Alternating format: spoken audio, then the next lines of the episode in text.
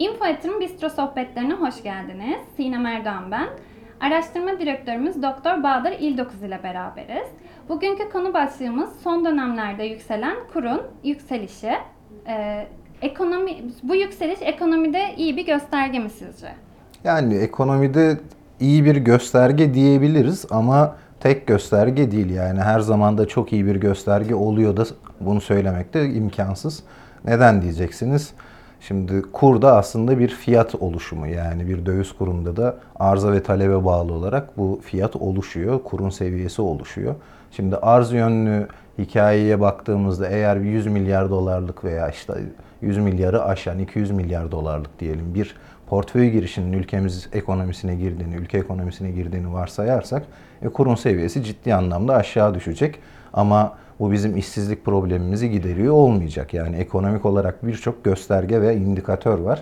Oradaki verilere baktığınızda o veriler paranın girmesiyle beraber, kurun seviyesinin düşmesiyle beraber hızlı bir şekilde onlar da iyileşiyor değil.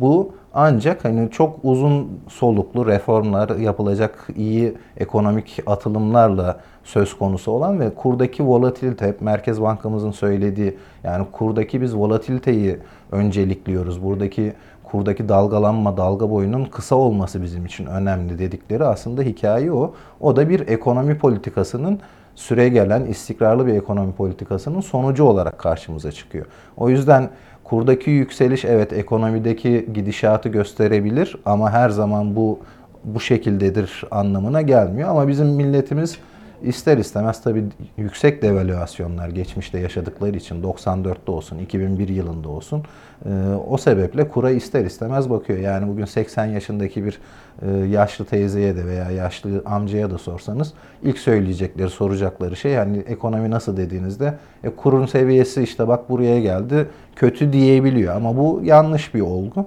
dediğim gibi hem arz tarafı var hem talep tarafı var.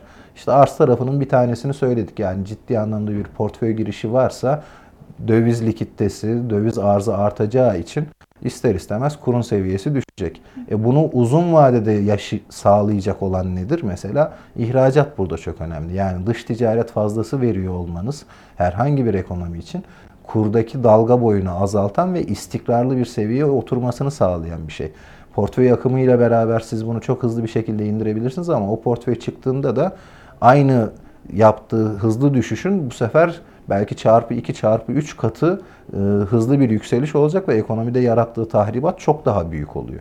O yüzden bunu genelde ticaret kanalıyla yapmak her zaman daha iyidir. E burada da dış ticaret burada önemli. İşte diğer faktör ne? İşte menkul kıymetleriniz. Yani sizin A ülkesiyle ABD ülkesi diyelim. Yani burada işte ABD %3 veriyorsa işte tahvil getirisi olarak risk seviyenizde yani CDS primlerinizin de aynı olduğunu varsayalım. E siz de A ülkesinde %4 verirseniz insanlar risk seviyesi aynı getirisi daha yüksek olduğu için gelip sizin tahvilinizi alır. Bu da gene arzı arttıran, döviz arzını arttıran bir diğer faktör. Şimdi talep tarafına geldiğinizde işte talep tarafında bir, siz net ithalatçı mısınız, net ihracatçı mısınız? Eğer net ithalatçı konumundaysanız zaten yurt dışındaki malları alıyorsunuz. E bunun karşılığında döviz çıkacağı için ülkenizden döviz talebinin yüksek olduğu anlamına geliyor ki bu artık da fiyatı ister istemez dövizin seviyesini yukarı doğru taşıyor.